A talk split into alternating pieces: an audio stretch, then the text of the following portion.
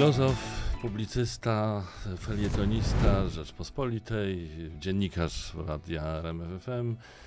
Tomasz Terlikowski jest moim gościem. Dzień dobry. Dzień dobry, witam. Dziękuję, że zgodziłeś się na rozmowę mimo wielu zajęć. Nie powiedziałem jeszcze, autor książek, dwie mam tutaj, przyniosłem, zdobyłem wczoraj w Empiku, dwie mieli. A, a przecież napisałeś ich bardzo dużo. Do tego jeszcze y, media społecznościowe, w których jesteś aktywny. No, wiem o Facebooku, wiem o Twitterze. Twitterze, no, na Instagramie i jeszcze jestem podcasterem też można powiedzieć. Podcasterem, no właśnie, oczywiście, więc y, y, słusznie, przepraszam.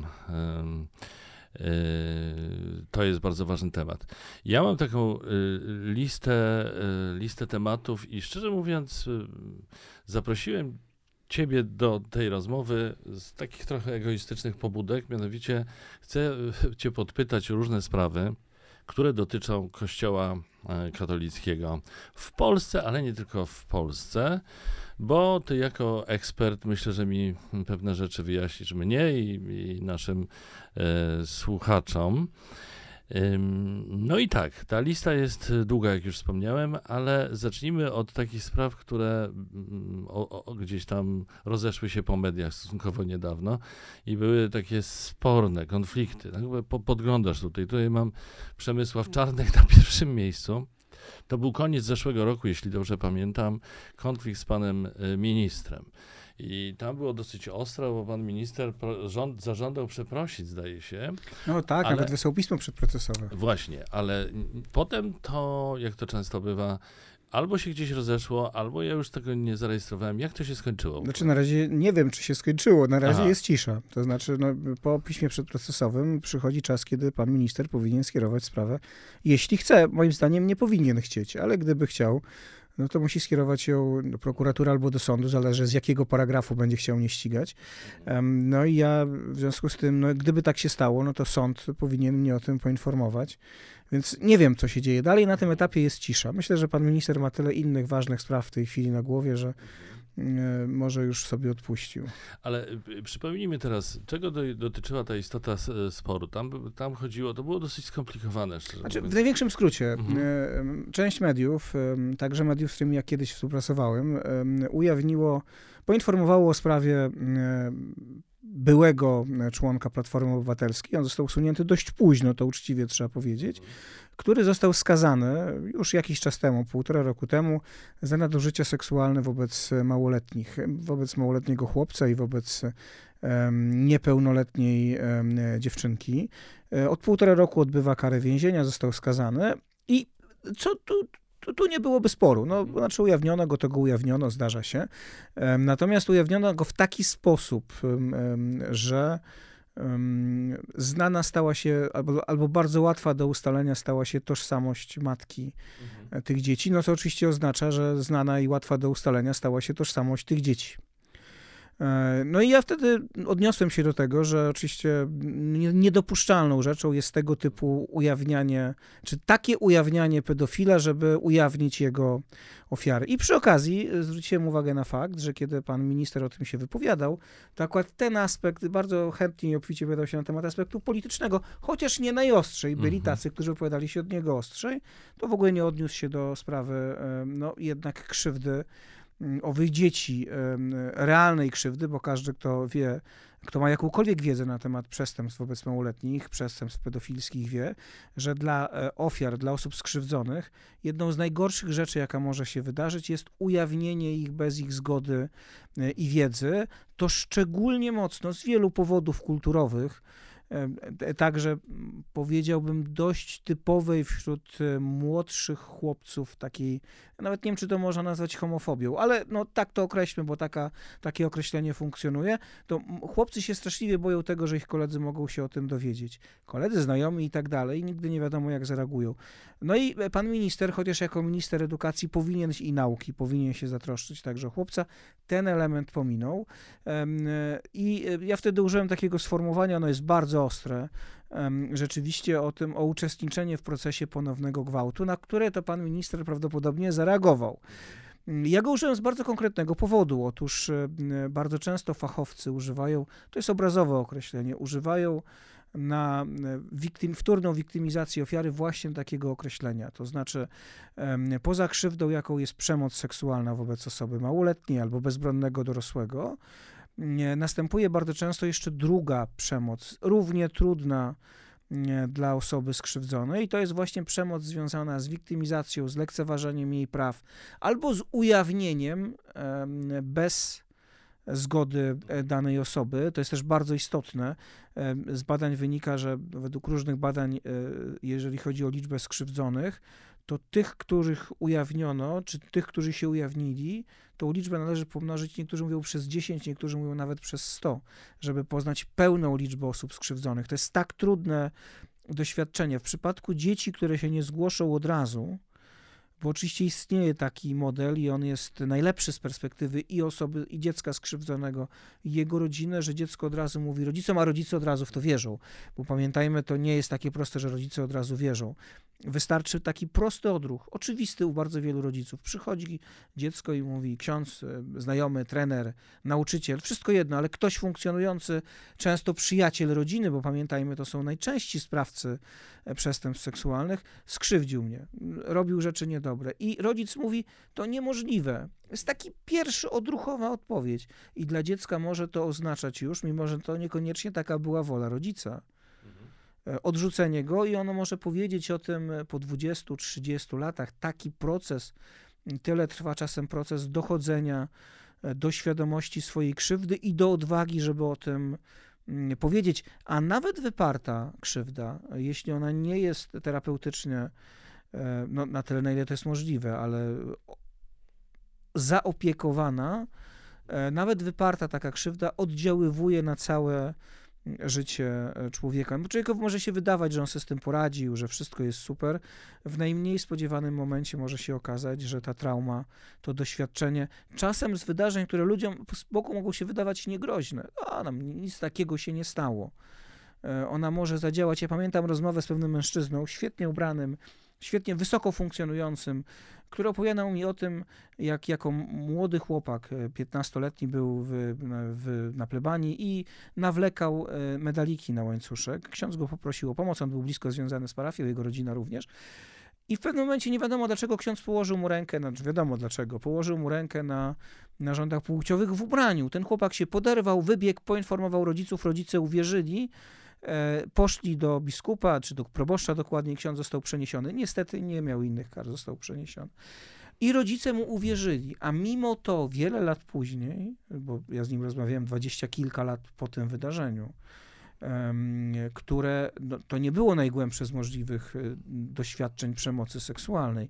Ten człowiek, kiedy zaczynał o tym opowiadać, tak jakby się cofał w mhm. latach. To znaczy, tak jakby mhm. się stawał z powrotem piętnastolatkiem, zaczynał zupełnie inaczej mówić, zupełnie inaczej opowiadać. No to pokazuje, że to, co się może komuś wydawać za pozornie niegroźne, my nigdy nie wiemy, jak mhm. będzie oddziaływać na, na życie człowieka, na życie dziecka i w jakich okolicznościach będzie się ujawniać. Czyli można powiedzieć, że kiedy zobaczyłeś ten e, komentarz e, ministra Czarnka, to ciebie szlak trafił, że, że, że, że, mało, że w ogóle ktoś tak y, podchodzi do sprawy, nie, nie, niedelikatnie to mało powiedziane, ale w dodatku jest to minister edukacji i nauki. Znaczy, ja bym po prostu chciał, żeby mhm. osoby odpowiedzialne za młodzież, mm, w tym przypadku minister edukacji i nauki, ale również kuratorzy oświaty, również mm, na przykład rzecznik praw dziecka, który jak się zdaje do tej pory nie zajął stanowiska w tej sprawie. Ja przynajmniej go nie widziałem żeby wiedzieli, czym jest przemoc seksualna wobec osób małoletnich i żeby wiedzieli, jak w takich sytuacjach postępować. Mówiąc jeszcze inaczej, żeby. Ja oczywiście rozumiem, że politycy w takich sprawach od, rozgrywają również swój polityczny interes. To jest dla mnie dość oczywiste. Natomiast, żeby zanim zaczną rozgrywać polityczny interes, żeby jednak zainteresowali się dobrem nie instytucji, nie partii, nie czegokolwiek innego, tylko osoby skrzywdzonej każdej osoby skrzywdzonej, bo mówimy, pamiętajmy, nie tylko o dzieciach i nie tylko o dzieciach skrzywdzonych do 15 roku życia. To jest w Polsce kryterium weryfikujące czy określające przestępstwa pedofilskie, ale również starsze dzieci do 18 roku życia. Tu jeśli szczególnie jeśli osoba, która dopuszcza się takich przestępstw, takich nadużyć, ma władzę, jakąkolwiek władzę nad dzieckiem. To może być nauczyciel, ksiądz, trener. Ostatnio mieliśmy kilka bardzo głośnych spraw e, z trenerami, e, ale to może być również ktoś związany z rodziną, wujek, ciotka, no ktokolwiek, kto ma jakąś e, władzę no to to również jest przestępstwo i to, ta opieka również powinna być, ale mamy też do czynienia ze zjawiskami jeszcze trudniejszymi, czyli z bezbronnymi dorosłymi, na przykład z osobami z niepełnosprawnością intelektualną. To jest jeszcze trudniejszy problem, mm, dlatego że niestety polskie sądy, to widać w badaniach, często nie mają świadomości, że te osoby e, przestępstwo przeciwko nim przeżywają dokładnie tak samo jak osoby bez takiej niepełnosprawności, albo nawet głębiej, bo nie potrafią sobie z tym poradzić. Co więcej, my mamy cały czas za mało terapeutów, którzy byliby przygotowani do pracy z osobami z niepełnosprawnością intelektualną w takich sytuacjach. Więc nawet jeśli już wiemy, że coś się wydarzyło, nawet jeśli sąd wyda stosowny wyrok, a zdarza się, że nie wydaje, no to nie ma specjalnie do kogo posłać mhm. osoby skrzywdzonej, bo nie ma fachowców, którzy potrafią pracować z osobami skrzywdzonymi i do tego jeszcze z niepełnosprawnością intelektualną, co oznacza z mniejszymi możliwościami komunikacyjnymi, ze specjalnymi potrzebami itd. Tak Mam takie wrażenie, że, że ciebie ta sprawa bardzo zajmuje i bardzo dotyka, i, bo często o tym mówisz y, również w swoich y, podcastach, tak myślę.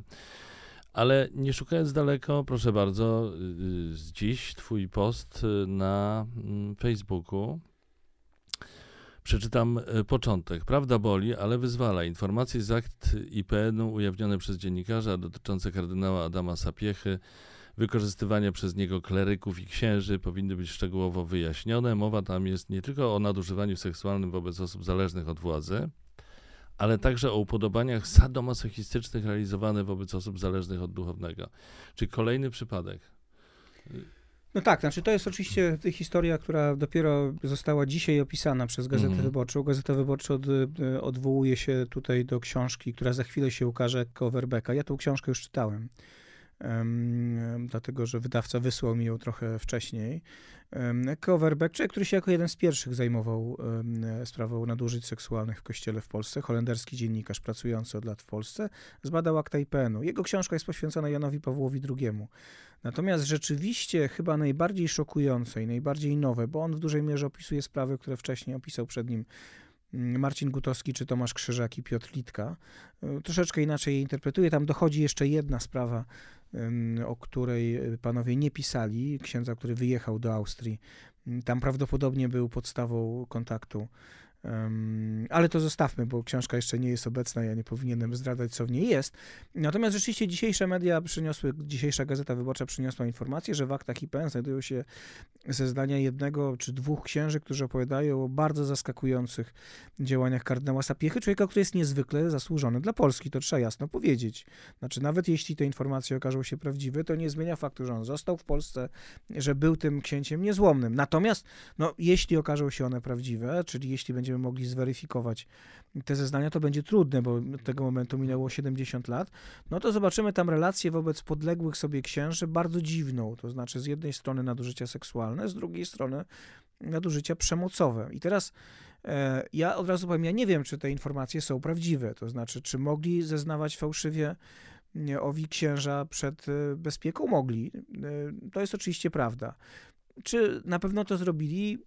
Nie wiem, mogli tego nie robić, szczególnie, że wiedza na temat czegoś, co wśród księży krakowskiej diecezji określane było mianem arystokratycznej choroby albo arystokratycznych upodobań, e, była powszechna, to znaczy wiedziano o tym.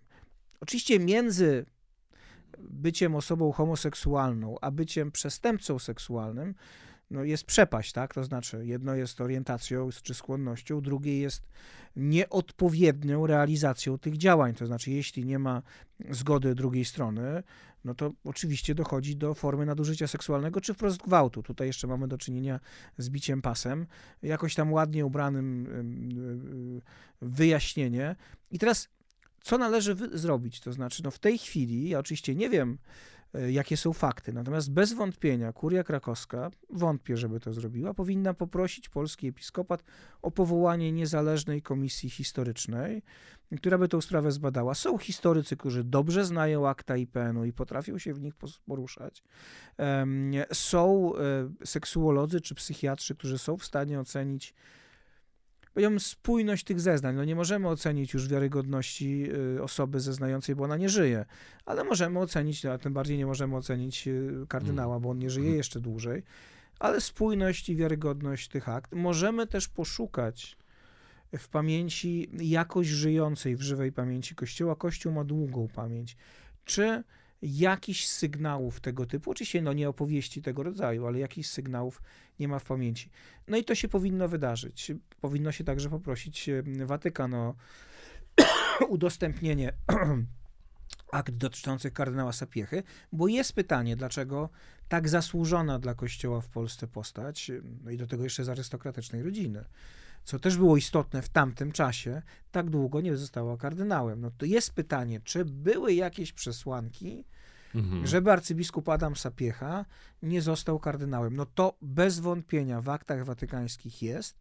Jeśli można było ujawnić, a powoli są one ujawniane, akta dotyczące Piusa XII, no to można odpowiedzieć także na to pytanie. A jest to o tyle ważne, że kardynał Sapiecha miał ogromny wpływ na rozwój duchowy, intelektualny, także w życiu kapłańskim Karola Wojtyły. Więc no to jest pytanie mm, istotne, czy jakaś wiedza była czy nie była, tego, nie, tego się nie dowiemy prawdopodobnie, ale czy mogło to jakoś wpłynąć na przykład na dalsze działania Karola Wojtyły.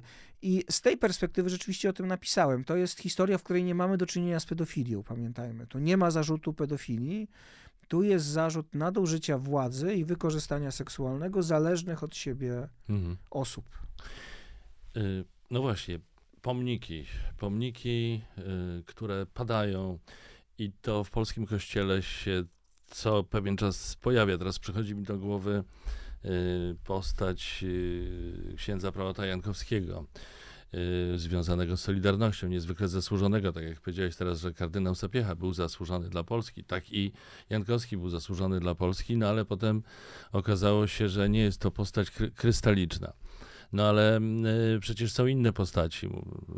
Dyskusja dotycząca kardynała Dziwisza. Już nie wiem, czy można mówić o dyskusji, czy ona już może przebrzmiała, czy, czy y, podważanie autorytetu Jana Pawła II, również w kontekście tym właśnie, że on za mało być może zrobił do tego, że w tej sprawie, żeby ogólnie mówiąc, walczyć z tym zjawiskiem pedofilii. Znaczy, jakbyśmy mieli mówić jeszcze o rzeczywiście pomnikach, które zostały zwolone, to poza księdzem Jankowskim, co do którego działań w zasadzie już nie ma wątpliwości. Też nie powołano komisji historycznej, chociaż ona powinna być powołana, żeby zbadać poważne oskarżenia.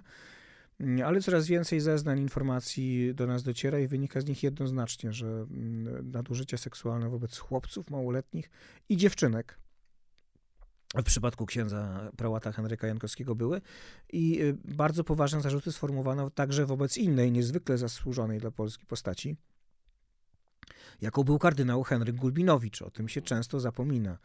On zresztą y, y, już na łożu śmierci poniósł kary kościelne tak surowe jak żaden inny biskup w Polsce do tej pory nie, nie poniósł. No można powiedzieć, że ewentualnie, ale to już pośmiertnie podobną karę poniósł arcybiskup Pec, ale to już jakby już po jego śmierci mu odmówiono pogrzebu, pochówku, po pogrzeb oczywiście miał pochówku w katedrze, który mu się na, należał.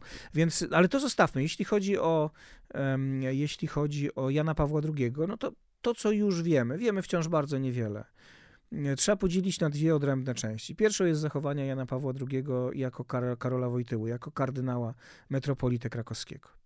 Z tych e, ułamków wiedzy, które udało się zebrać Tomaszowi Krzyżakowi i Piotrowi Litce i Marcinowi Gutowskiemu, wynika, że Jan Paweł II czy Karol Wojtyła wtedy zachowywał się tak jak przeciętny biskup w tamtym czasie. Czyli nie miał świadomości e, głębokości zranienia, jakim dla dziecka jest e, wykorzystanie seksualne, kierował się raczej dobrem instytucji i raczej dobrem księdza niż i uniknięciem skandalu. E, I i zasadniczo był osobą bardzo łagodną. Oczywiście nie jest tak, że wszystko tolerował. Tam mamy mowę o kilku przeniesieniach na terapię, o kilku wysłaniach w inne miejsca, ale generalnie ogromna większość duchownych wracała w końcu do pracy. Czy to był wyjątek, czy na tle innych biskupów w Polsce kardynał Wojtyła wyróżniał się negatywnie? Nie. Co więcej, nie wyróżniał się negatywnie nawet na tle światowych biskupów. W latach 60. i 70. taki był model działania i to jest być może e, cała istota skandalu. Natomiast y, trudno oczekiwać, żeby człowiek wychowany w takiej, a nie w innej kulturze, dodajmy jeszcze, na to zwracają uwagę niektórzy polscy komentatorzy, wychowany w dużej mierze od pewnego momentu, już jako dwudziestolatek, wyłącznie przez instytucję kościelną. Jego matka umiera we wczesnym jego dzieciństwie, ojciec umiera kiedy on jest bardzo młodym mężczyzną, już mężczyzną, ale bardzo młodym, i on potem już funkcjonuje i, i, i, wychowuje się w instytucji kościelnej. I oczywiście ma przyjaciół świeckich, spotyka się z nimi, e, ma także znajomych psychiatrów, ale skąd miałby wiedzieć, e, znaczy, dlaczego miałby się zachowywać inaczej? I mamy drugi kontekst, e, równie poważny, czyli Jana Pawła II jako mm, papieża.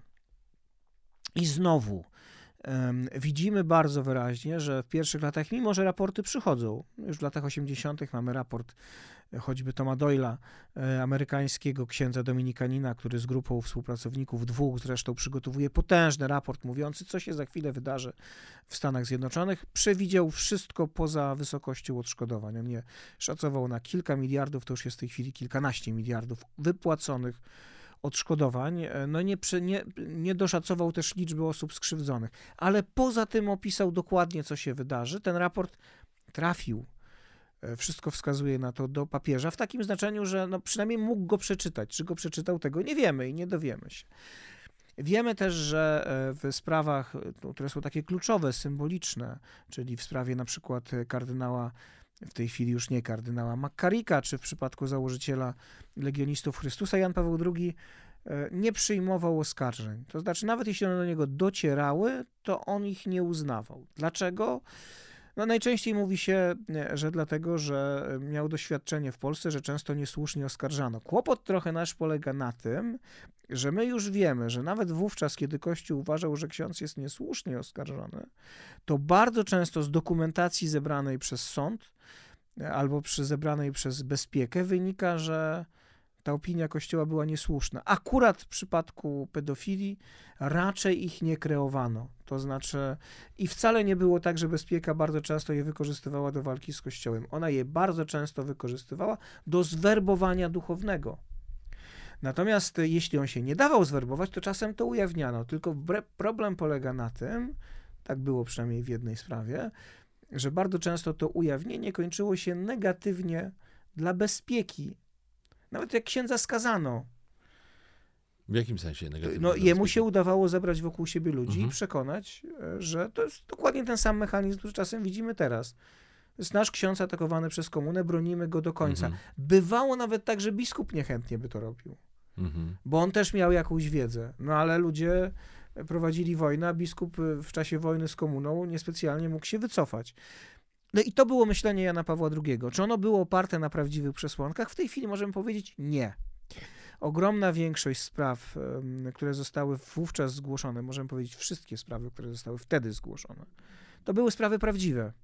Ale Jan Paweł II rzeczywiście najwyraźniej nie był w stanie ich przyjąć i rzeczywiście przez pierwszy etap swojego pontyfikatu, bardzo długi, pierwszy to nie znaczy pierwsze trzy lata, tylko długi okres, E, miał do tej sprawy stosunek, e, nie chcę powiedzieć obojętny, ale nie rozumiał jej. To znaczy, to jakby nie, nie, nie, nie leżało w jego gestii zainteresowań. Co więcej też, e, tylko tu łatwo jest historycznie myśleć. Mówi się, w 1984 roku jest wprowadzony nowy kodeks latach 80., o tak powiedzmy, nowy kodeks prawa kanonicznego przez Jana Pawła II. I on, o ile ten kodeks z lat z 1917 bodajże roku, czyli ten pierwszy stary kodeks dwudziestowieczny, nakładał konieczność nałożenia kar na księdzu, które, na któremu udowodniono przestępstwa wobec małoletnich. To nie nazywało się wówczas pedofilią, nazwy były inne, ale było musi zostać ukarany. W tym nowym kodeksie była mowa o tym, że może zostać ukarany, ale może być odstąpienie od kar. I oczywiście Jan Paweł II podpisał ten kodeks i później go zatwierdził, ale trzeba mieć świadomość, prace nad nim zaczęły się za Pawła VI. Hmm. Jan Paweł II podpisał dokument, który nie tylko on przygotował. W latach 90. rzeczywiście zaczyna się no już docieranie.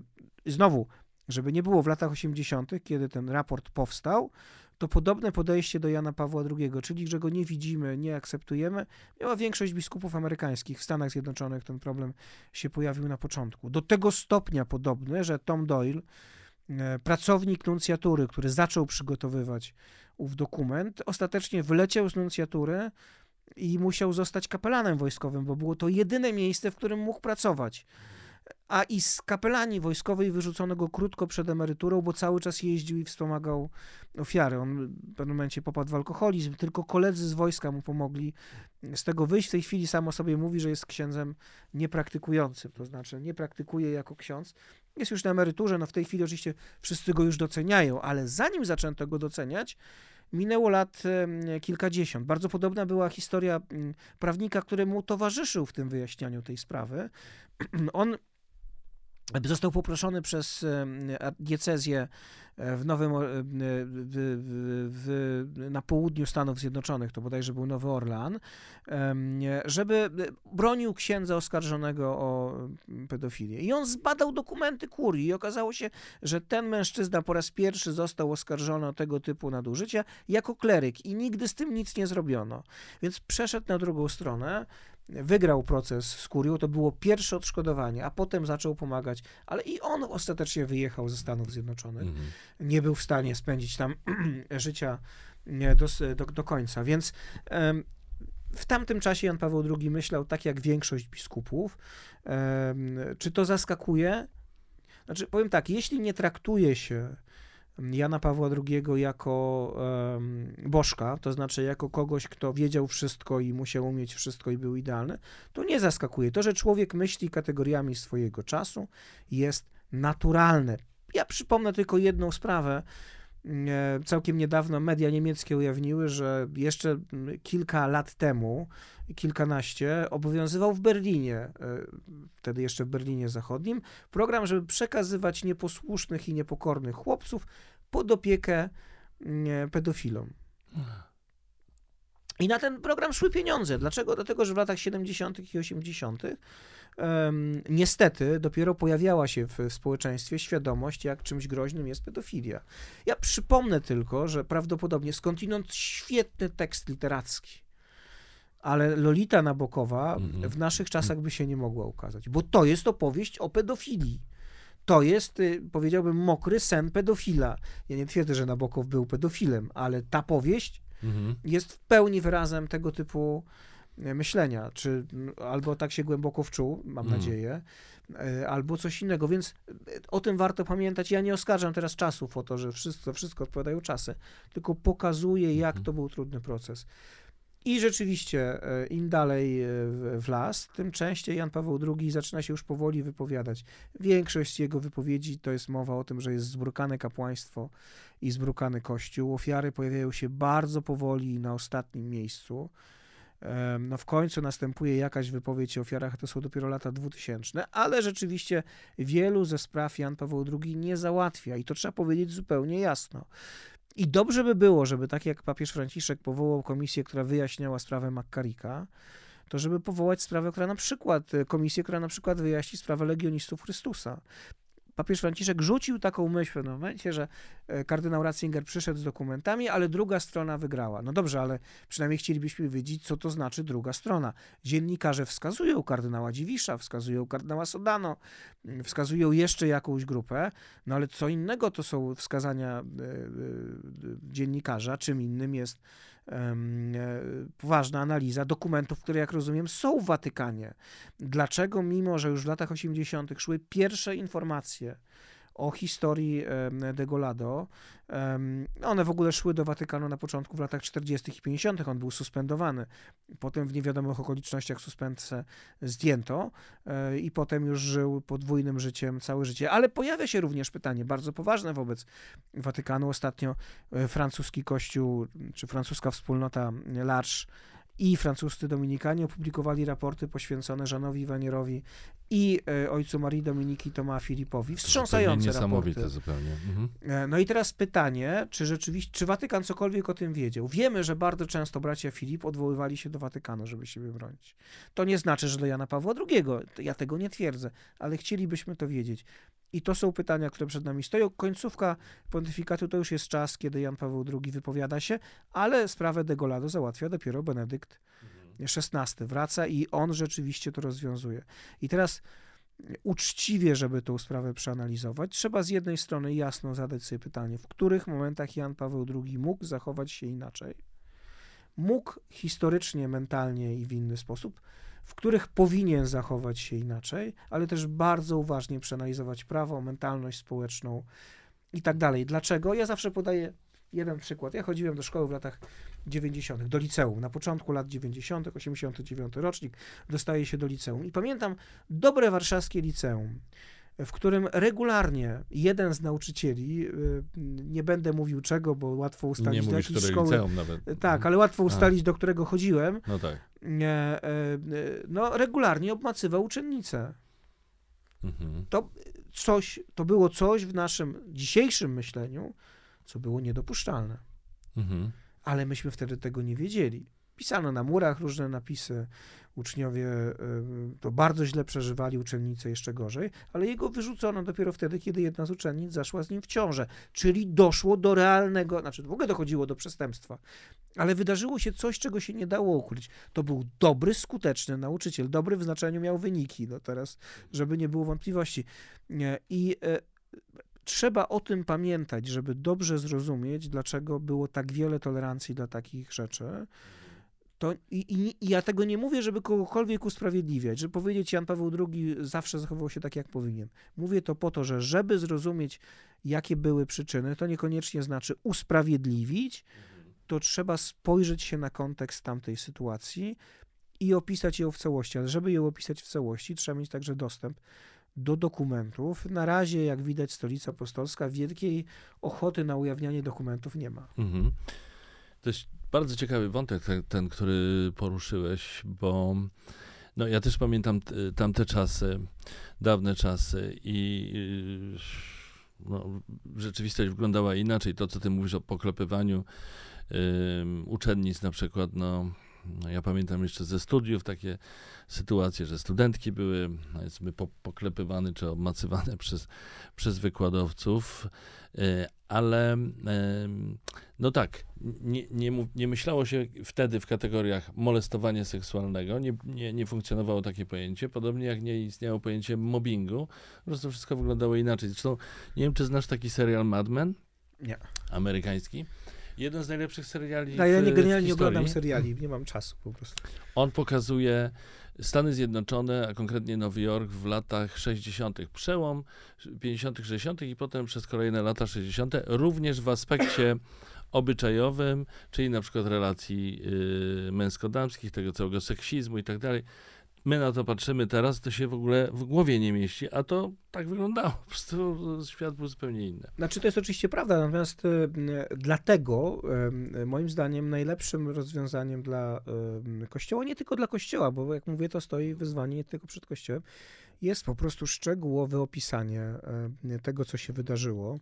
Także jest dostępne do dokumentów, ale także z ogromną empatią wobec osób skrzywdzonych, dlatego że to, że ludzie nie wiedzieli, nie oznacza, że krzywdy wobec tych osób nie było. Ona była czasem jeszcze głębsza, dlatego że one nie miały do kogo pójść z tą swoją krzywdą. Nawet jeśli szły, to często były stygmatyzowane przez społeczność, e, która ich otaczała.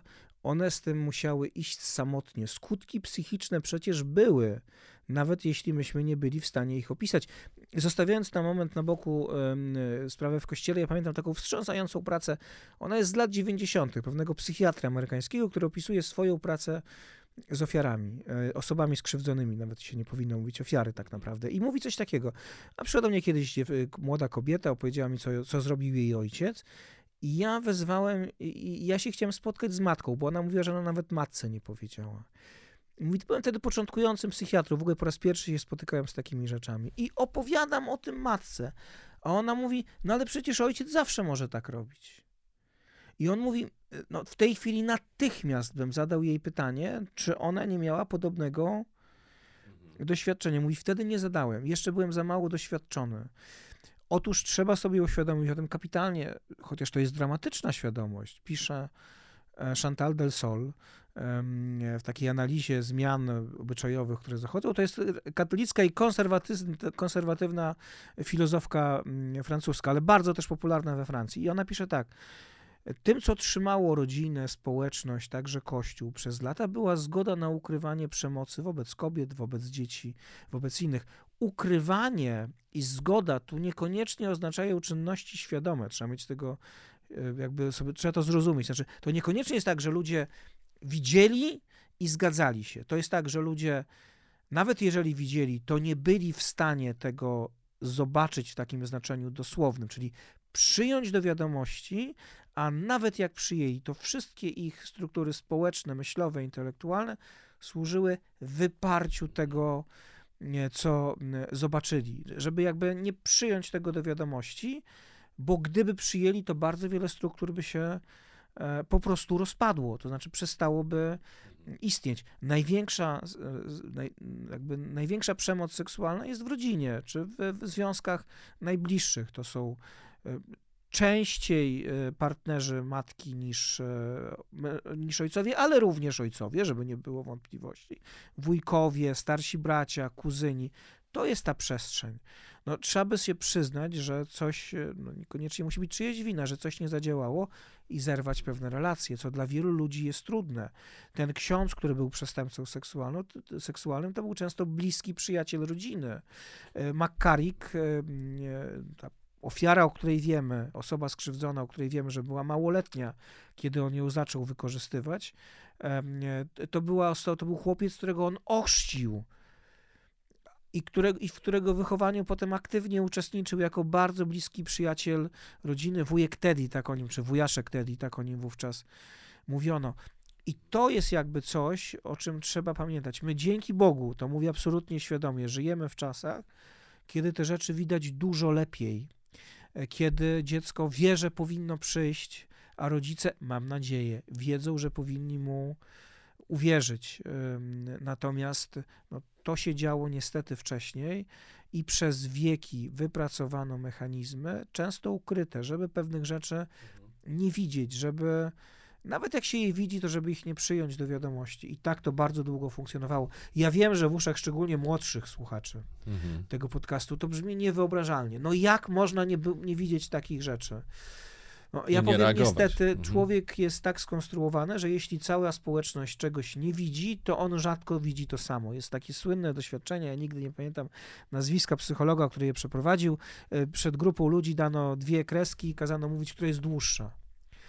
No i oczywiście część tych ludzi była umówiona, że będzie mówić, że ta krótsza jest dłuższa. Mhm. I tam ci uznali, że. I tam była tak? jedna czy dwie osoby, które nie były poinformowane, no i, i te, te, odpowiadały pierwsze. No i mhm. te ostatnie mówiły tak, że ta krótsza jest dłuższa. No, tak niestety działa presja społeczna. Mamy tendencję do tego, żeby pewne rzeczy ukrywać, żeby pewnych rzeczy sobie nie uświadamiać, co nie zmienia faktu, że osoby skrzywdzone cierpiały i cierpią do tej pory często straszliwie, że wyparta krzywda, e, nieuświadomiona krzywda oddziaływuje społecznie także bardzo głęboko i głęboko e, oddziaływuje także na duchowość. To ten raport o Wanierze jest tego znakomitym przykładem, jak wyparta seksualność, przemocowo czasem wyparta, kompletnie zdestruowała życie bardzo wielu ludzi doprowadziła do kolejnych, no, kompletnie chorych wizji religijnych i ten raport stawia wobec nas jeszcze inne pytanie.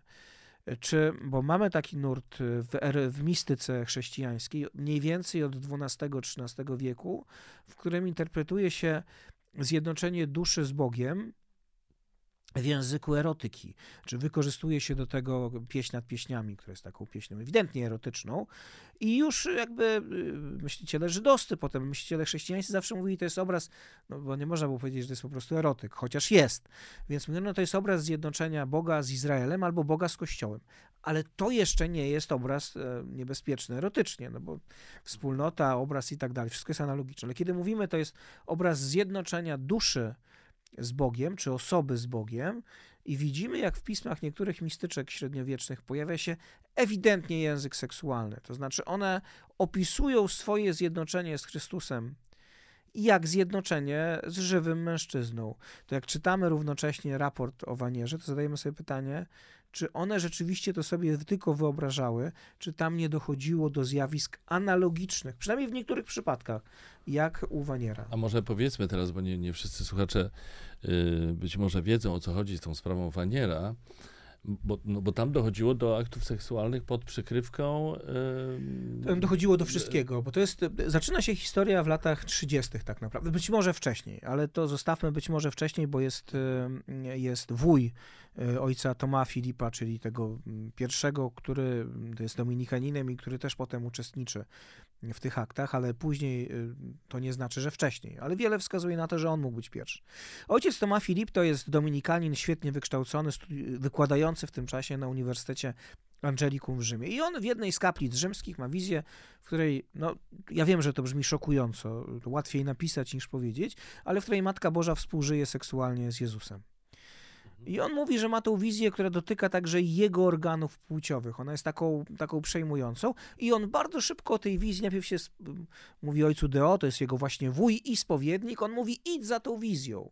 Znaczy, z perspektywy i psychologii, i duchowości, każdy spowiednik powinien powiedzieć, chłopie, ty idź do psychiatry, bo to jest jakaś głęboka nerwica, albo idź do egzorcysty, bo to jest jakaś głęboka demonerka. Znaczy, natomiast na pewno to nie jest prawda.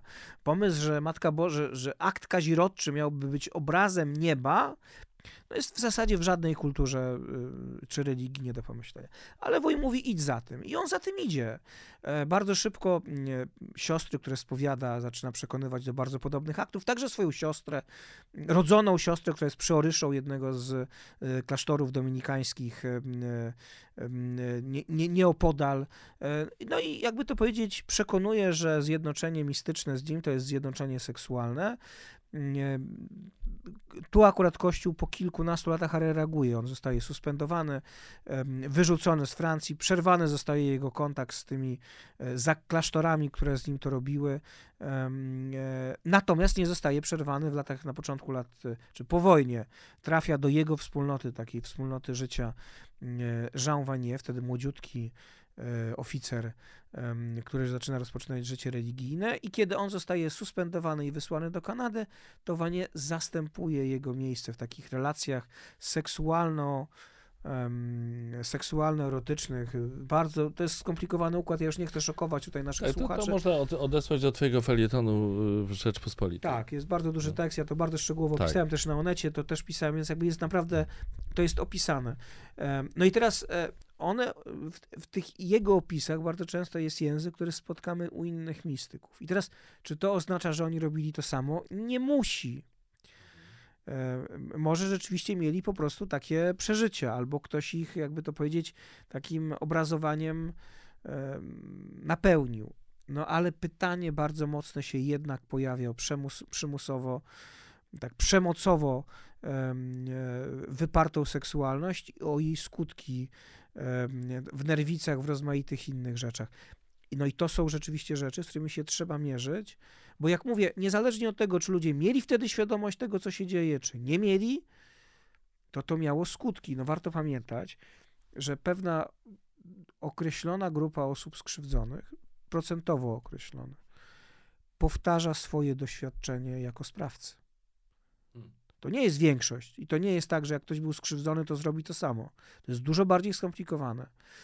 Ale w związku z tym, że wobec tej osoby naruszono granice, bardzo głęboko, rozkwiano, rozbito to wszystko, to w sytuacji szczególnie kryzysowej, szczególnie jeśli ona nie przepracowała tego, że to była jej krzywda, tego typu zachowanie może się powtórzyć. Um, więc można powiedzieć, że tego typu działania będą dziedziczone. Um, ofiary przemocy seksualnej w domu niekoniecznie są sprawcami, ale na przykład są bardziej, to jest ta opowieść o tej matce, mhm. są skłonne do uważania tego za normę, czy były skłonne, bo w tej chwili mamy oczywiście społecznie już dużo większą świadomość i to są powody, dla których o tym warto i trzeba rozmawiać mhm. i warto mieć świadomość, że nawet jeśli kiedyś ludzie tego nie wiedzieli, to jak my teraz to wiemy, to musimy to rozplątać jakby całą tą skomplikowaną historię do końca. Czy ty myślisz, że w Polsce dużą, znaczącą rolę w, w, tej zmianie dotyczącej świadomości w odniesieniu do przestępstw seksualnych y, w kościele miały filmy braci Sekielskich, które zresztą wystąpiłeś. tak, to znaczy, y, ale ja zacznę jeszcze od jednej rzeczy, mm -hmm. bo to jest bardzo ciekawe, bo my dużo mówiliśmy o problemach w tak. kościele. Uczciwie rzecz biorąc, jeżeli chodzi o Polskę, to ofiary czy osoby skrzywdzone wewnątrz kościoła mają do kogo pójść bo jest Fundacja Świętego Józefa, która e, wypłaca e, na przykład konieczne koszty terapii, która kieruje do terapeutów, która pomaga także, jeśli jest potrzebna jakaś pomoc prawna, a nawet pomaga załatwić pewne zupełnie podstawowe potrzeby życiowe. Ofiary, które, czy osoby skrzywdzone w szkole, wśród trenerów i tak dalej, nie mają do kogo pójść. Kościół już stworzył, to nie znaczy, że to wszyscy tak myślą w kościele ale stworzył sieć delegatów. Przy każdej diecezji jest delegat, który, do którego można się zgłosić, a przy niektórych, i to dobrze, niedobrze, że tylko przy niektórych, są delegatki, dlatego że zarówno część mężczyzn, jak i część kobiet, które zostały skrzywdzone, nie chce się zgłaszać do księdza, bo oni go kojarzą z krzywdą. To może być najlepszy człowiek, ale to nie ma znaczenia. Psychika tak nie działa, a część w ogóle nie chce iść do mężczyzny, bo zostali skrzywdzeni przez mężczyznę, więc powinny być kobiety. To się już pojawia za wolno. Jest cała sieć duszpasterzy. To jest oczywiście grupa nie tak znowuż wielka. Myślę, że większość polskiego kościoła wciąż myśli inaczej, ale struktury są. Mhm. Natomiast bez dwóch zdań to jest tak, że gdyby nie media, i kolejne e, rozmaite teksty, to nic by się nie wydarzyło. I my to widzimy od lat. To znaczy, pierwsza wielka sprawa w Polsce, jeszcze nie pedofilska, tylko dotycząca nadużyć seksualnych wobec zależnych dorosłych. To jest sprawa arcybiskupa Peca. Ją próbowano załatwić bez mediów. Mhm ale to się nigdy nie udało. Załatwiła ją dopiero publikacja Rzeczpospolitej i tego samego dnia, to warto przypomnieć, dziennikarze się wtedy dogadali, że pierwsza powinna być Rzepa, bo jeżeli opublikuje to Rzeczpospolita, bo jeśli opublikuje to Gazeta Wyborcza, to to może nie zostać przyjęte przez Kościół. I dopiero wtedy jego odsunięto y, od sprawowania urzędu, nigdy aż do jego śmierci nie potwierdzono jego winy. To jest bardzo ciekawe. Dopiero znowuż akcja medialna w dużej mierze i akcja katolików świeckich z Poznania doprowadziła i kilku księży, którzy notabene potem wylecieli absolutnie na aut w swojej diecezji, doprowadziła do tego, że on nie został pochowany w katedrze bo jako biskup miał do tego prawa, przecież jego nie ukarano za życie, tylko uznano, że nie jest zdolny do sprawowania swojej funkcji. Potem mieliśmy, no, jeszcze wcześniej mieliśmy sprawę e, z Przemyśla, słynną sprawę e, z księdzem stamtąd. E, ona też trwała lata całe. I też gdyby nie media, w tym przypadku Gazeta Wyborcza, kwartalnik, wtedy jeszcze miesięcznik, więź i jeszcze parę innych miejsc, nic by się nie wydarzyło. Potem mieliśmy sprawę księdza Dymera e, ze Szczecina. I znowuż, gdyby nie publikacja Gazety Wyborczej, a później Więź i TVN24, to ta sprawa nie zostałaby załatwiona w taki sposób, w jaki została. Znaczy, tam dalej nie wyciągnięto konsekwencji wobec wszystkich. No i wreszcie, najwięcej dla ujawnienia tych spraw zrobiły rzeczywiście dwa filmy braci Sekielskich, bo one się rozeszły w tempie błyskawicznym e, i zrobiły bardzo dużo szumu wokół tej rzeczywistości e, i postawiły realnie problem. Media i społeczeństwo działają jednakowoż w taki sposób, że ten, te emocje opadają. I teraz czekamy. W tej chwili, moim zdaniem, jest pewien dół emocjonalny, to znaczy, wielu ludziom jest trudniej się zajmować tą sprawą, mają już dosyć, wydaje im się, że to już jest tyle tych spraw, że już starczy. Ja zawsze powtarzam, my jesteśmy na początku. Te sprawy w polskim kościele są ujawnione od kilku lat. Przed nami jeszcze wiele lat wiele zburzonych pomników, wielu księży, pomników niekoniecznie takich wielkich, ale lokalnych. Lokalnych ludzi, księży, czy nie, niekoniecznie księży, którzy byli zasłużeni, fantastyczni, wszyscy ich szanowali, a równocześnie mieli to drugie ciemne oblicze, bo pamiętajmy, część z przestępców seksualnych, ja nawet celowo nie mówię pedofilów, bo pedofil e, preferencyjny to jest e, wcale nie, przynajmniej wśród księży, wcale nie większość sprawców. No ale większość przez, sprawców przestępstw Dlatego mówisz szerzej. Mhm, e, to są ludzie, którzy są wysoko funkcjonujący. Mhm. To znaczy oni nieźle funkcjonują. To są znakomici, charyzmatyczni czasem liderzy, ludzie, których młodzież uwielbia, oni sobie wybierają ofiary. To nie jest tak, że oni atakują każdego. Ktoś, kto atakuje każdego, bardzo szybko wpada. Oni najpierw wy, wychwytują, kto ma jakie potrzeby emocjonalne i zastanawiają się, czy mogą je zaspokoić, albo kto ma jakieś inne problemy, albo jak można by go podejść. I ten proces, ja tu używam słowa uwodzenie w cudzysłowie, znaczy to nie, nie, to nie, nie jest uwodzenie, bo uwodzenie zakłada równość partnerów, to znaczy tu nie ma równości żadnej, ktoś jest dorosły, ktoś jest dzieckiem. E, ale ten proces takiego kupowania może trwać bardzo długo i, i sprawca na każdym etapie może się wycofać. Jeżeli uzna, że to jest niebezpieczne, to on się może wycofać. E, I ostatecznie równocześnie może pracować nad bardzo wieloma e, osobami, a tylko wobec niektórych z nich dopuścić się realnych nadużyć. Więc bardzo wielu ludziom może się wydawać, mnie nigdy nic takiego nie spotkało. No to no to skąd założenie, że kogoś innego spotkało? No stąd, że może nie byłeś akurat w profilu tego sprawcy, może akurat nie pasowałeś do niego, może były jakieś inne powody. Natomiast naprawdę czeka nas długi proces. E, media będą w nim miały swoją rolę. E, ja mam nadzieję, że przyjdzie taki moment, e, że zaczną odgrywać tą rolę również media katolickie. To jest bardzo trudne, ale przypomnę, że w mediach amerykańskich Media katolickie o tym piszą, czasem ujawniają takie sprawy. Bez ich nacisku wiele rzeczy by się nie rozegrało. Wierzę, nie szybko, ale że w Polsce to też będzie możliwe. Mhm. E, niedawno słyszałem, nie wiem czy to nie w Twoim podcaście, e, o sprawie diecezji w San Diego w Ameryce, która e, ogłasza upadłość ze względu na skalę odszkodowań, które musi, musi wypłacać ofiarom przestępstw seksualnych księży związanych z tą parafią. No więc to pokazuje, y, że ta skala może rzeczywiście, tak jak ty mówisz, jest, jest y, niesłychana. No ale pytanie, no, no i co? co jakby, znaczy, ale to nie jest, co, dalej? co, to nie jest jakoś, zrobi? To nie jest jakoś zaskakujące. Znaczy, akurat Kościół amerykański zrobił z tym bardzo dużo. Mhm. E, I e, te, e, to nie jest pierwsza diecezja, która chce ogłosić upadłość, nawet nie jest pierwsza, która ogłosiła. Były już diecezje, które ogłosiły i powód jest dość prosty. Chodziło o to, żeby zatrzymać proces egzekucyjny, czyli żeby z jednej strony wypłacić odszkodowania, a z drugiej strony, żeby nie przestała działać diecezja. Więc to jest pewna ucieczka nie od odpowiedzialności, ale ucieczka prawna możliwa w systemie amerykańskim. Te odszkodowania idą w Stanach Zjednoczonych w miliardy dolarów. To są gigantyczne sumy. Natomiast akurat ta, e, ta konkretna sytuacja w diecezji San Diego wynika ze zmiany prawa w Kalifornii. Kalifornia uznała, że te sprawy się nie przedawniają i że wnioski o odszkodowania można zgłaszać mhm. bez żadnego przedawnienia. Co oczywiście natychmiast spowodowało, że zgłosiły się kolejne osoby, które, których, wobec których przestępstwa były już przedawnione i chciały te pieniądze uzyskać. Słusznie chciały, tu podkreślam, e, miały do tego pełne prawo. Natomiast co z tym Kościół robi? No w Stanach Zjednoczonych akurat, to trzeba uczciwie powiedzieć, biskupi bardzo wcześnie, na co się też Jan Paweł II nie zgadzał dość długo, potem, potem się na to zgodził w dużej mierze Benedykt XVI, chcieli polityki zero tolerancji. To znaczy sytuacji, w której jeśli ujawniane jest jakiekolwiek przestępstwo seksualne duchownego, on zostaje wydalony ze stanu duchownego. To rozwiązanie bardzo mm, ściśle broni instytucje i broni też dzieci, potencjalne ofiary przed działaniem księdza. Natomiast ono ma, wobec niego można sformułować kilka pytań, istotnych pytań.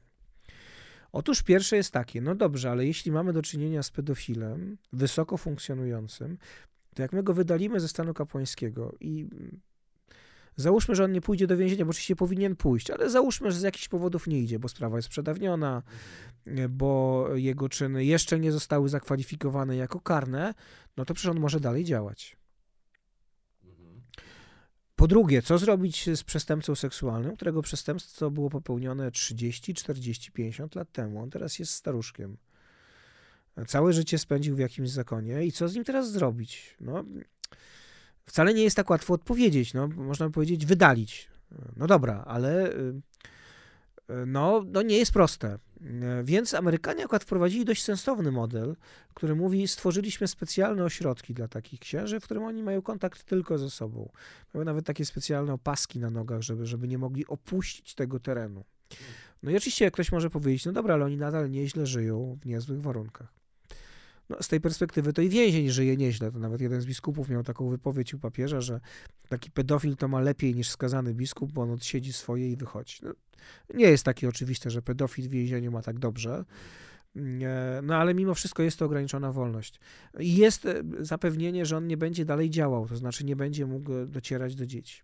Z drugiej strony, no pytanie, czy jednak nie powinno się ich wydalać ze stanu duchownego e, i przynajmniej laicyzować w przypadku księży zakonnych, uczynić ich braćmi zakonnymi.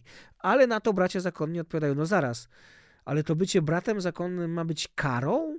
Ja też mogę odpowiedzieć, zaraz, no to największą karą dla księdza za to, że on skrzywdził straszliwie dziecko, ma być to, że on będzie świeckim. Ja też jestem świeckim i to jest żadna kara.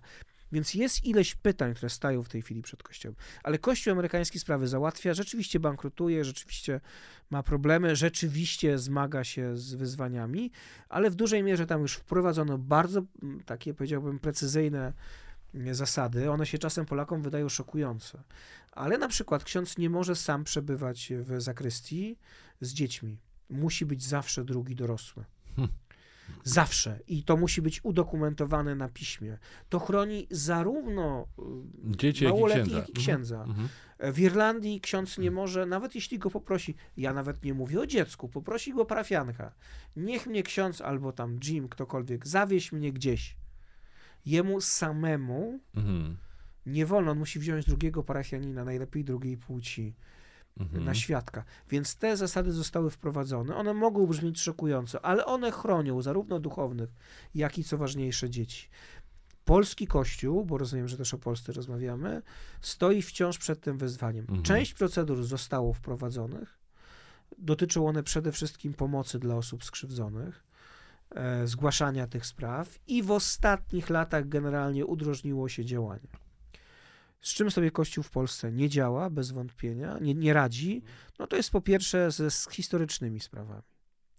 To znaczy z wyjaśnieniem tego, co się działo lat temu, kilka, kilkanaście, kilkadziesiąt, szczególnie jeśli dotyczy to osób zasłużonych.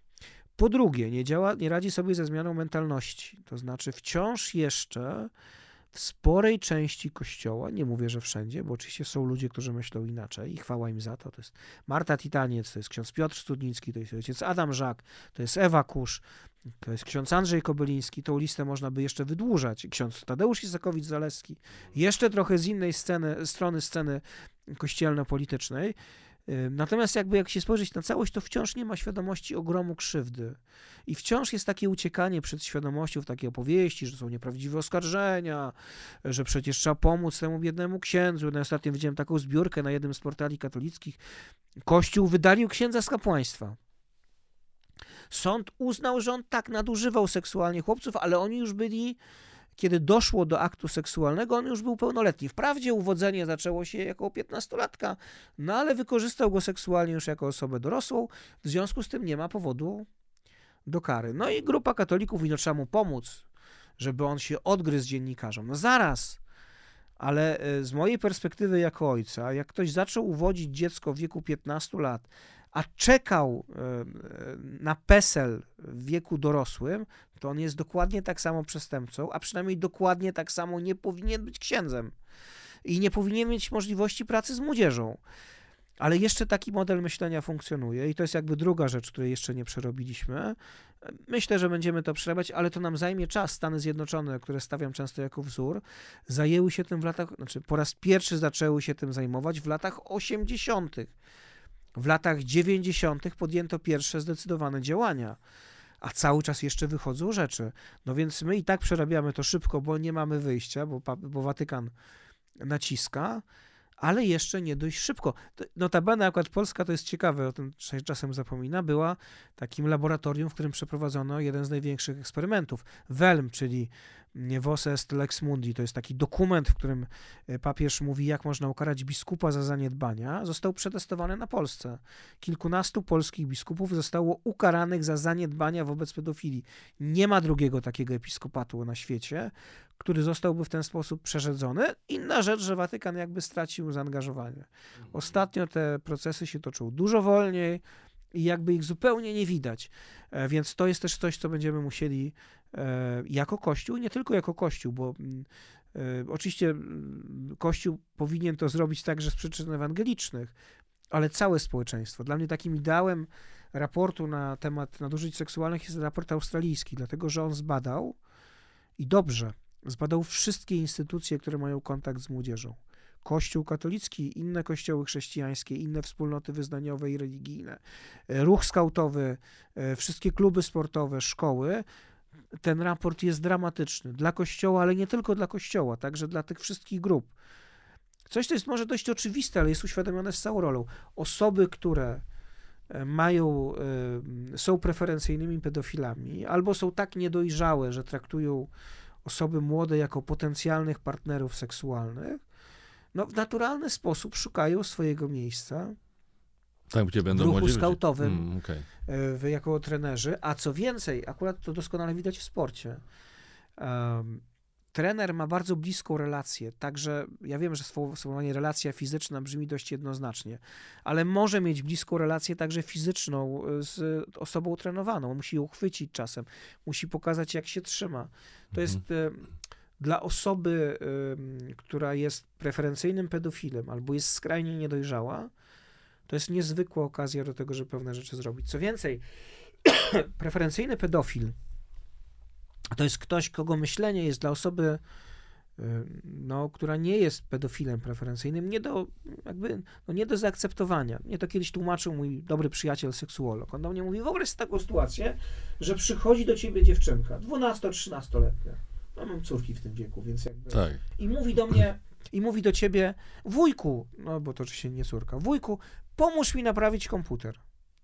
No, pomożesz jej albo nie, ale no nie traktujesz tego jako jako jakikolwiek komunikat erotyczny. No oczywiście. Ale pedofil preferencyjny może traktować taki komunikat jako komunikat ze strony 12-letniego 12-13-letniego dziecka. Tak, no na tym polega pedofilia preferencyjna, tak? Mhm. E, my możemy ją poddać terapii, możemy go spróbować e, no, wyjaśnić pewne rzeczy, ale to jest ten model e, myślenia. W przypadku trenera no dziecko w naturalny sposób no jest, ma zaufanie do osoby dorosłej. No to jest zresztą konieczne przy pewnych procedurach wychowawczych. I on może traktować to naturalne zaufanie, które nie ma żadnego podtekstu erotycznego. Jako, jako propozycję, zachęty? tak, jako rodzaj zachęty. Co więcej, osoba, mamy też do czynienia czasem z dziećmi małoletnimi, które przez jakieś y, rozmaite wydarzenia w swoim życiu, um, można powiedzieć, są przedwcześnie, czasami także związane z przestępstwem, a nawet bardzo często, są przedwcześnie zseksualizowane. One rzeczywiście mogą wysyłać realne sygnały mhm. seksualne. Nawet 15-letnie dziewczynki mogą to zrobić, czy chłopcy. Natomiast dorosły, dojrzały mężczyzna, czy dorosła, dojrzała kobieta, o pedofilii kobiecej mówimy dużo rzadziej, to nie znaczy, że jej nie ma. Ona jest dużo trudniejsza do opisania i zdiagnozowania. To jest jakby, Pedofilia kobieca to znaczy, że... Że kobieta jest przestępcą. A, mm, no tak. Dużo, no tak, nie słyszałem w ogóle o takich. Bardzo rzadko się o tym mhm. słyszy, bo, bo nawet myślenie społeczne jest takie. No, jak nauczycielka uwiedzie chłopca, to co ludzie piszą w komentarzach? No trafiło mu się. No to jest mhm. dokładnie tak samo pedofilia, jak nauczyciel uwiedzie dziewczynkę. Nie ma żadnej różnicy. Różnica też jest taka, że mężczyzna, no męska seksualność generalnie dąży do no, do penetracji, do rozładowania na, na, różne sposoby. Kobieca nie musi, może się dokonywać inaczej. Jest równie dramatyczna emocjonalnie dla dziecka, ale może mieć inny wymiar, więc jest trudniejsza do zdiagnozowania. E, ale to jest temat, który jest bardzo trudny, dlatego że on jest bardzo słabo opisany, zdiagnozowany. Dopiero do niego dorastamy, dopiero zaczynamy go dostrzegać, dopiero próbujemy go opisywać. E, natomiast dorosły, zdrowy mężczyzna, już zostając przy mężczyźnie, jak widzi takie E, tego typu komunikaty, to po prostu je odrzuca. No, to znaczy, no, albo mówi dziecko, no słuchaj, jestem dorosły, a ty jesteś dzieckiem. Mhm. Albo w ogóle ich nie komentuje. Po prostu, natomiast ktoś, kto jest preferencyjnym pedofilem, albo jest skrajnie niedojrzały, mhm. może je także przyjąć. I to jest dramat tej, tej sytuacji. Preferencyjny pedofil jest taka, bardzo polecam, jeśli Państwo nie czytali, to są takie rozmowy z pedofilem. To jest wstrząsająca książka, ponieważ pedofil siedzący wiele lat w więzieniu rozmawia z terapeutką, która sama była ofiarą przemocy seksualnej w dzieciństwie ze strony swojego ojca i dziadka. I on jej opowiada o tym, jak uwodził, jak wykorzystywał, jak przekonywał rodziców, żeby mu powierzyli pod opiekę chłopców. I on mówi, że on miał około tysiąca ofiar. To są tego typu liczby. To znaczy, to nie jest tak, że to się raz zdarzyło. No to, no, znaczy inaczej, pedofilia, pewnie się zdarza, że ktoś mógł to zrobić raz, ale bardzo rzadko się to zdarza. Um, I no, preferencyjny pedofil, jeśli nie jest, jeśli zaczął już działanie, to jest bardzo mało prawdopodobne, żeby je przerwał. Co więcej, to jest też dramat polski. No, pedofilia ma pewne określone ramki, jeśli chodzi o wyrok. Ja nawet nie, nie jestem przekonany, że koniecznie trzeba je poszerzać. To, to jakby to o wiele istotniejsze jest co innego. No dobrze, człowiek w więzieniu, e, odsiadujący wyrok, może być w jakiejś terapii. Ale kiedy opuszcza więzienie, poza sytuacją, kiedy zostaje skierowany do tego ośrodka dla szczególnie groźnych przestępców, to tak naprawdę jest jedno czy dwa miejsca w Polsce, gdzie on może być poddany terapii prawdopodobieństwo, że on przestanie być pedofilem jest oczywiście minimalne. To nie, nie jest e, rzecz, którą da się wyleczyć w taki sposób, że ktoś się zainteresuje mhm. dorosłymi osobami. E, natomiast da się kontrolować, ale musi być stała terapia. Ale my wypuszczamy pedofili i bardzo często nie dajemy im takiej terapii. Co to oznacza? No to oznacza, że oni prędzej czy później, nawet jeśli mieli dobrą terapię, i nawet jeśli mają dobrą wolę, a nie muszą mieć. Ja pamiętam rozmowę z pewnym moim znajomym terapeutą, który do mnie mówi, taki roztrzęsiony przyszedł i, i, mówi, że miał właśnie w terapii kogoś, no nie wiem kogo, ale mówi, miał takiego człowieka, który jest pedofilem, skazanym za pedofilię i już planuje, że jak tylko skończy odsiadywanie wyroku, to pójdzie studiować um, taki kierunek, który mu umożliwi pracę z młodymi chłopcami. No tak. um, I on mówi, no, oczywiście, czy on to zrobi, czy nie, to jest inne pytanie, ale to znaczy, że w jego głowie, nawet być może nieświadomie, cały czas funkcjonuje ten sam obraz, że on musi dotrzeć do dzieci. I być może przez lata, oby, on się będzie jakoś trzymał, tak? To znaczy, nie, bez terapii, czy z jakąś terapią nie przekroczy pewnych granic. Ale wystarczy kryzys, alkohol, mhm. e, zły dzień i przekroczy. I jak już przekroczy, to jest trochę tak jak z alkoholizmem. To znaczy zazwyczaj to już potem to samo. pójdzie. Więc, mhm. ale to, to jest założenie, że nie przekroczy. Jeżeli nie ma terapii, jeżeli nie ma opieki, no to on, nie, szczególnie pedofil preferencyjny, no po prostu będzie powtarzał te same przestępstwa. Będzie krzywdził kolejne dzieci. I teraz to, co mówię, nie oznacza, jakby chciał minister Ziobro, że trzeba jeszcze większe kary zaserwować jeszcze y, surowsze egzekwowanie. A najlepiej, jak to kiedyś powiedział inny wiceminister Kowalski, kara śmierci. Nie, to znaczy, że trzeba przygotować terapeutów, którzy będą z jednej strony zdolni do pomocy osobom skrzywdzonym, mówiliśmy na początku, na przykład o osobach z niepełnosprawnością, które potrzebują pomocy specjalistycznej w takich sytuacjach, a to jest duże zjawisko. My sobie nie uświadamiamy, jak często osoby nawet y, pełnoletnie, ale właśnie z niepełnosprawnością y, y, intelektualną albo z innymi formami niepełnosprawności są krzywdzone. Także krzywdzone seksualnie, ale również potrzebna jest pomoc, opieka dla sprawców. I oczywiście zaraz usłyszę, nie, ich trzeba ukarać. No, znaczy bez wątpienia za pewne czyny trzeba ukarać, ale trzeba także w miarę możliwości, na ile to jest możliwe, działać prewencyjnie, to znaczy po ukaraniu nie można ich karać drugi raz. No, takim fundamentem prawa e, na Zachodzie jest to, że karzemy za jedno przestępstwo raz. Mhm. Natomiast potem próbujemy nie dopuścić, choćby przez nawet przymusową terapię, chociaż oczywiście przymusowa terapia nie ma wielkiego znaczenia, e, ale przez terapię dostępną dla każdego w każdym miejscu, gdzie to jest potrzebne, e, nie dopuścić do tego, żeby on powtórzył to, co robił. Tomaszu, słucham z niezwykłym zainteresowaniem tego, o czym mówisz. Przychodzi mi do głowy jedno pytanie zasadnicze. Zmierzamy do zakończenia, ale yy, jeszcze pozwolisz. Trzy pytania mi, mi zostały, Dobrze. które chciałbym bardzo, bardzo zadać. Dlaczego? Dlaczego Twoim zdaniem tak się dzieje, że tylu pedofili, pedofilów yy, preferencyjnych czy osób o skłonnościach tego typu, czyli do, do skłonnych używać przemocy seksualnej, trafia do kościoła? E, no, odpowiedź jest e, dość prosta. Znaczy, większość, większość, to możemy powiedzieć, bo to wynika z badań, większość sprawców przestępstw seksualnych w kościele to nie są preferencyjni pedofile. To są ludzie albo bardzo niedojrzali, albo z innymi problemami e, psychiczno-emocjonalnymi. I to jest pierwsza rzecz, o której trzeba pamiętać. To nie znaczy, że ich dzieci nie są, nie odczuwają, czy nie czy te dzieci, które oni skrzywdzili, czy ludzie młodzi, nie mają traumy dokładnie takiej samej, jakby to zrobił pedofil. To z perspektywy osoby skrzywdzonej nie ma znaczenia, czy on jest pedofilem, czy jest niedojrzały, czy jest kimkolwiek innym.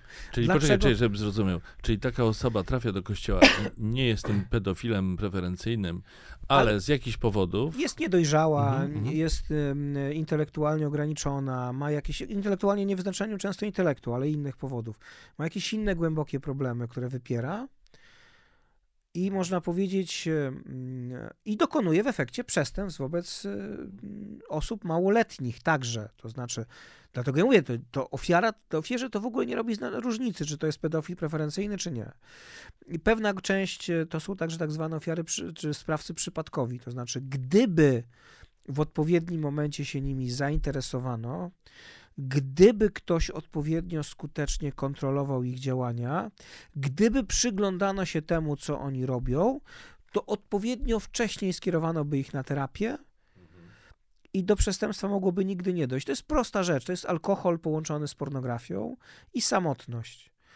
I w pewnym momencie, e, przy długim ciągu alkoholowym e, i przy nieustającym uzależnieniu od pornografii, człowiek może przekroczyć pewne granice. Nie musi, ale może, gdyby to wykryto, wskazano, zobaczono odpowiednio wcześniej, to można by takiego człowieka wysłać. Czyli na przykład jego alkoholizm? Jego alkoholizm, czy, czy to, że on jest kompletnie samotny, mhm. czy to, mhm. że on jest e, uzależniony od, no na przykład od pornografii. No to są rzeczy, które, no to nie jest tak, że to je widać, nie? Znaczy to, no właśnie. Ale pewne rzeczy jednak możemy zobaczyć. Pewnych nie, a mhm. pewne tak. Albo nawet zobaczono by niewłaściwe, jeszcze nie przestępcze ale niewłaściwe zachowanie wobec dzieci czy małoletnich, taką niedojrzałość, infantylność, jakieś przesadne e, bratanie się z ludźmi, to nie chodzi o to, żeby nie byli opiekunami, ale no jeśli e, dorosły duchowny ma głównie kontakt z małoletnimi, no to znaczy, że jakby to powiedzieć. E, coś tam się dzieje. Coś się dzieje niedobrego. To znaczy, no, jak nie ma kontaktu z dorosłymi, no to, to, no, mm. to jest dziwne. Więc to jest jakby pierwsza rzecz. Druga rzecz, tak jak powiedzieliśmy, każdy zawód, powołanie, które ma bliski kontakt z dziećmi, przyciąga przez potencjalnych przestępców seksualnych. To jest rzecz, o której trzeba pamiętać. To dotyczy trenerów, y, nauczycieli, księży. Po trzecie, co też jest istotne, duchowny, nie tylko katolicki, ale w ogóle ma pewien prestiż społeczny, który jeśli jest jeśli on jest potencjalnym przestępcą seksualnym, może wykorzystać do krzywdzenia dzieci. E, no i to też jakby, nie wiem czy przyciąga, ale powoduje, że pewne rzeczy się ujawniają. E, powodują, że pewne rzeczy się dzieją i ułatwia. I pewnie domyślam się, że na końcu będzie pytanie o celibat. To jest skomplikowane pytanie, dlatego że oczywiście to nie jest tak, że celibat powoduje pedofilię. Dlatego, że pedofilię mamy również w tych wspólnotach, w których celibatu nie ma. Kościół anglikański ma gigantyczny problem. Ostatnio była afera też dramatyczna w południowej konwencji baptystów w Stanach Zjednoczonych. Tam wszyscy pastorzy w zasadzie mają żony, to w ogóle nie ma o czym gadać. A mimo wszystko pedofilia i przestępstwa seksualne są.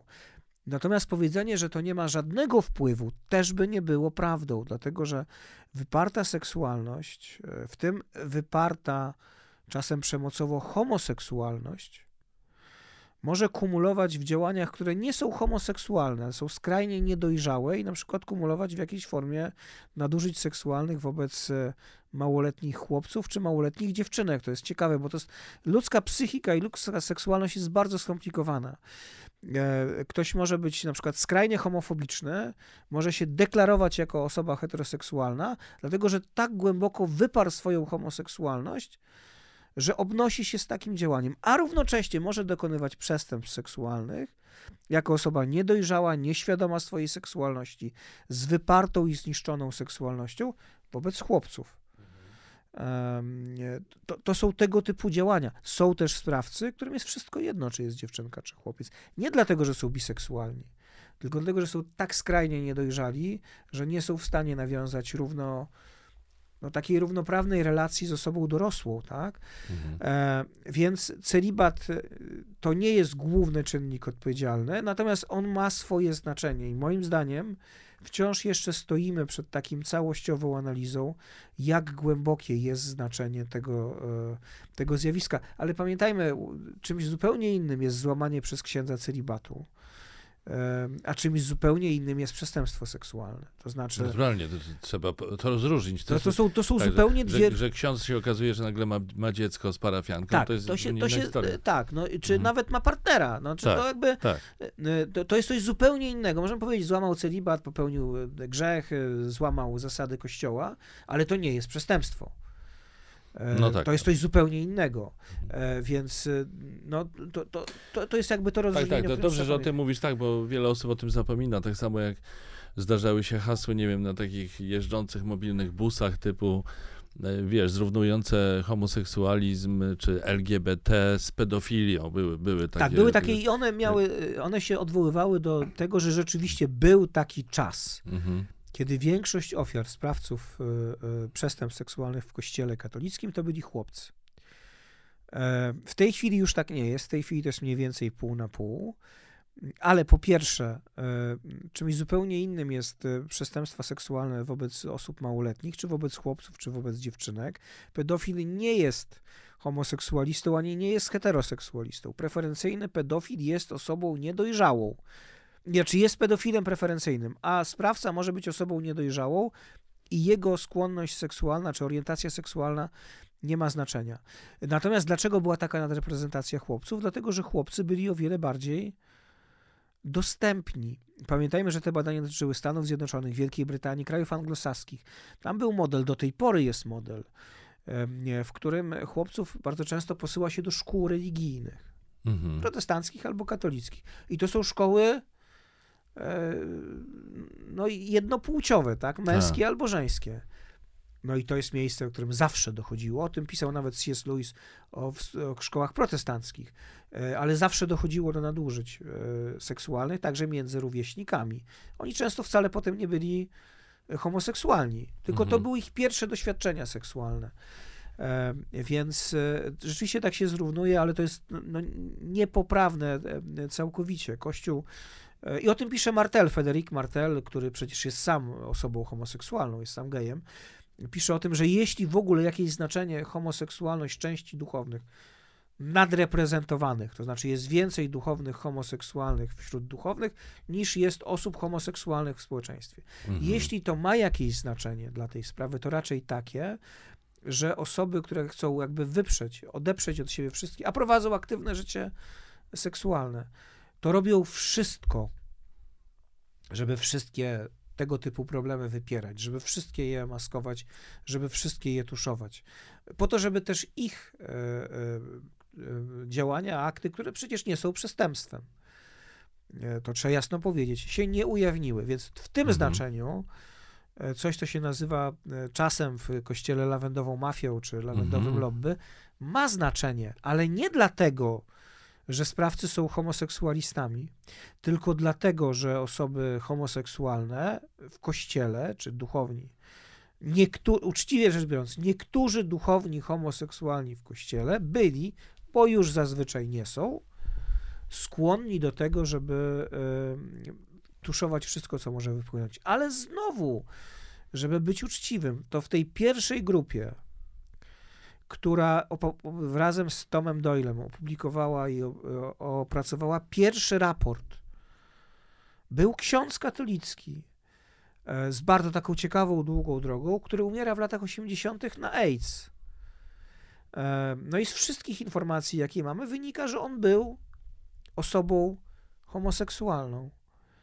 To wcale nie zmienia tego, że był jedną z pierwszych osób w kościele, która zdecydowała się odważnie i jednoznacznie wystąpić przeciwko nadużyciom wobec małoletnich. On był notowany psychoterapeutą i on te, jakby terapeutyzował duchownych do niego odsyłanych y, za przestępstwa pedofilskie. Tomaszu, bardzo dziękuję. Powiedz mi jeszcze tylko absolutnie, na absolutne zakończenie. Ja wiem, że ciebie papież Franciszek drażni tym, że jeszcze się nie wybrał do Ukrainy, zmieniając temat na zakończenie Ale i, mnie, mnie też to drażni strasznie, i, i, ale ja nie potrafię tego zrozumieć. Może ty masz jakieś tłumaczenie. Dlaczego on tego nie robi? Znaczy, odpowiedź jest y, trudna do przyjęcia przez Polaków, ale dość oczywista. To znaczy, on tego nie robi dlatego, że po pierwsze, jest człowiekiem z kompletnie innego kont- kontekstu geopolitycznego. Jest Argentyńczykiem. Stany Zjednoczone, które dla Polski są źródłem wolności i gwarantem tego, że będziemy niezależni od Stanów, od Rosji, Mhm.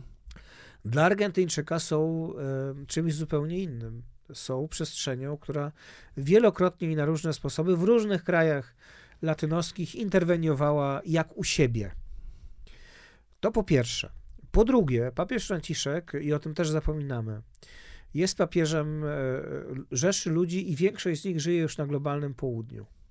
Na globalnym południu spór między Rosją a Ukrainą, czy atak Rosji na Ukrainę, uczciwie rzecz biorąc, Mhm. wcale nie jest traktowany jednoznacznie. Znaczy, propagandę putinowską, która mówi o tym, że NATO prowokowało, Mhm. szczekało, by posłużyć się sformułowaniem samego Franciszka, szczekało na Rosję, kupuje naprawdę wielu Afrykańczyków, naprawdę pewna część Latynosów i tak dalej. To jest drugi Nawet wymiar. Roger Waters. Mhm. No, no to, to mamy nawet oczywiście ludzi z Zachodu. Mhm. To jest drugi wymiar. Trzeci wymiar jest taki, że papież moim zdaniem błędnie uznał, że może być kimś, kto będzie prowadził negocjacje między Rosją a Ukrainą. Uznał moim zdaniem błędnie, bo nie rozumie Rosji. On jest zachwycony Dostojewskim, to wraca. Ja też jestem zachwycony, tylko to w niczym nie zmienia faktu, że Tak. mam realistyczne podejście do Dostojewskiego, bo czytałem także jego publicystykę.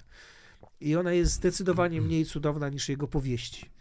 E, Ale to zostawmy. Natomiast e, więc on jest, e, jest przekonany, że on dla Rosji może być partnerem. On nie może być dla Rosji partnerem. Znaczy, jeśli Rosja będzie chciała zawrzeć jakąś formę, będzie zmuszona zawrzeć jakąś formę porozumienia z Ukrainą, to przecież nie przez papieża, bo to by oznaczało, że oni stawiają go wyżej niż patriarchem Moskwy i Wszechrusi. Nie ma takiej opcji, ale on głęboko wierzy, że będzie prowadził negocjacje i w związku z tym nie może pojechać e, do Ukrainy. Ja coraz częściej też słyszę od samych Ukraińców, że może niech on lepiej już nie przyjeżdża, bo jeszcze powie coś takiego, co spowoduje już kompletny kolaps e, tych relacji papiesko-ukraińskich. I znowu, żeby dopełnić ten obraz, moim zdaniem ta polityka papieska jest błędna. Mhm. Znaczy on popełnia błąd. Zakorzeniony zresztą w błędzie po- polityki papieskiej przed Janem Pawłem II, Pawła VI czy Jana XXIII wobec Związku Sowieckiego. Ostpolitik e, Pawła VI czy Jana XXIII i Ostpolityk e, Franciszka to jest dokładnie ta sama Ostpolitik. On to zresztą mówi. Mhm. E, więc, e, e, więc jakby to powiedzieć, to jest z tej perspektywy absolutnie oczywiste, że, że, że, że on tutaj jakby Tak. idzie tą samą drogą. No, ale wiesz, bo on, nie tylko mi chodzi o to, że on nie pojedzie do Ukrainy, ale też, że nie wiem, czy w końcu kiedyś powiedział, czy nie powiedział, nie Powiedział. nazwał Rosji jego, agresorem. je- Coś jest, powiedział. jest Mhm. kilka jego wypowiedzi, bardzo późnych, ale A. jest, gdzie mówi o tym, że no i wiadomo, kto jest agresorem. Tak. Nawet odwołuje się, nie, chyba nie wymienia Putina z nazwiska, ale używa takiego sformułowania, że wiadomo, że chodzi o, o Putina, więc to się No, zmieniło. przynajmniej tyle. Mhm. Natomiast e, no, brakuje tego, moim zdaniem, tego gestu, jakim byłoby. Jeśli Joe Biden, No właśnie. oni są w podobnym wieku, był no, w stanie tam papież pojechać. trochę starszy, parę lat. No starszy, tak, ale to jest, No, ale obaj są tak, wiek podeszły. w- Wiek Mhm. podeszły. Był w stanie pojechać, to papież tym bardziej. Mhm. Oczywiście no, papież porusza się na wózku i tak dalej, to są też rzeczy, które są istotne, ale one nie wykluczają wszystkiego e, i Mhm. tak dalej. Natomiast ciekawe jest jeszcze coś innego, bo wypowiedzi mamy już coraz ostrzejsze. One się na szczęście trochę zmieniły, na szczęście nie ma już takich, szczególnie kardynała Parolina, e, Mhm. głupawych wypowiedzi. Natomiast ciekawe, że my wiemy, że Jan Paweł II bardzo blisko współpracował z Margaret Thatcher i z Ronaldem Reaganem. Mhm. I trzeba pamiętać, to byli obydwoje protestanci. E, Kiedy zaczynała się ta wojna, to mieliśmy na dwóch kluczowych stanowiskach e, w Stanach Zjednoczonych i Wielkiej Brytanii katolików. Joe Biden był prezydentem. Nawet wiemy, że ostatnio w Środę Popielcową jeden z polskich księży specjalnie dla niego w hotelu sprawował mszę świętą i posypał jego głowę popiołem. Ale Boris Johnson, o czym się często zapomina, przy całym jego burzliwym życiorysie, swoje ostatnie małżeństwo zawarł także w kościele katolickim. On w ogóle jest urodzonym katolikiem, ale zmienił Mhm. wyznanie i wrócił do kościoła katolickiego, e, zawierając ostatni swój związek małżeński. także był katolikiem. No i jeśli Jan Paweł II, i to widzieliśmy, były spotkania, były, e, były relacje, mógł współpracować Mhm. z Reaganem i Thatcher, to pytanie, dlaczego nie było żadnego spotkania między papieżem Franciszkiem a Joe Bidenem? A w tym czasie było przynajmniej e, na łączach spotkanie z patriarchą Cyrylem.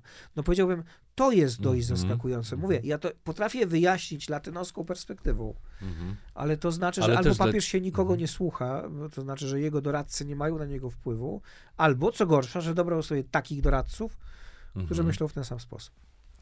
Tym mało optymistycznym akcentem kończymy naszą rozmowę. Y, Nie zdążyliśmy o Twoich książkach porozmawiać. Dwie przyniosłem, to może przynajmniej je pokażę. Koniec, y, kości- konie, koniec kościoła, jaki znacie, oraz czy konserwatyzm ma przyszłość. Koniec Europy, jaką znamy, czyli o dwóch y, końcach akurat w tych książkach. Ta to jest, zdaje się, To jest zupełnie nowiutka y, książka. nowa, tak bardzo, tak. To jest ta- taka próba zmierzenia się z konserwa- ko- konserwatyzmu z tym, co nam przyniosła wojna i pokazania, Mhm. że konserwatyzm to nie jest to, co proponuje minister Czarnek. Tylko to jest e, postawa pesymistyczna wobec człowieka, znaczy ze świadomością, że jesteśmy skłonni do straszliwych czasami Mhm. czynności, ale z drugiej strony przypominająca, że wierność pewnym schematom, standardom, instytucjom może nam pomóc być odrobinę lepszymi. Mhm. Bardzo ciekawie się zapowiada. Sprawa konserwatyzmu w różnych odsłonach. Warto o tym przeczytać. Tomasz y, Terlikowski, teraz tak. Y, Autor podcastu Tak Tak. Myślę i gratuluję Ci, bo wysłuchałem kilku odcinków i naprawdę tam, tam bardzo dogłębnie poruszasz często ze swoimi gośćmi różne wątki dotyczące spraw nie tylko Kościoła katolickiego, ale również ym, innych, innych Wyznań y, religii, wyznań. Y, Także gratuluję. 70 kilka odcinków już powstało. Tak, 75 będzie w tym tygodniu. Autor, dziennikarz, publicysta, RMFFM. RMFFM i filozof, doktor filozofii. Tak. Panie doktorze, bardzo dziękuję. Dziękuję bardzo, panie redaktorze. Dziękuję.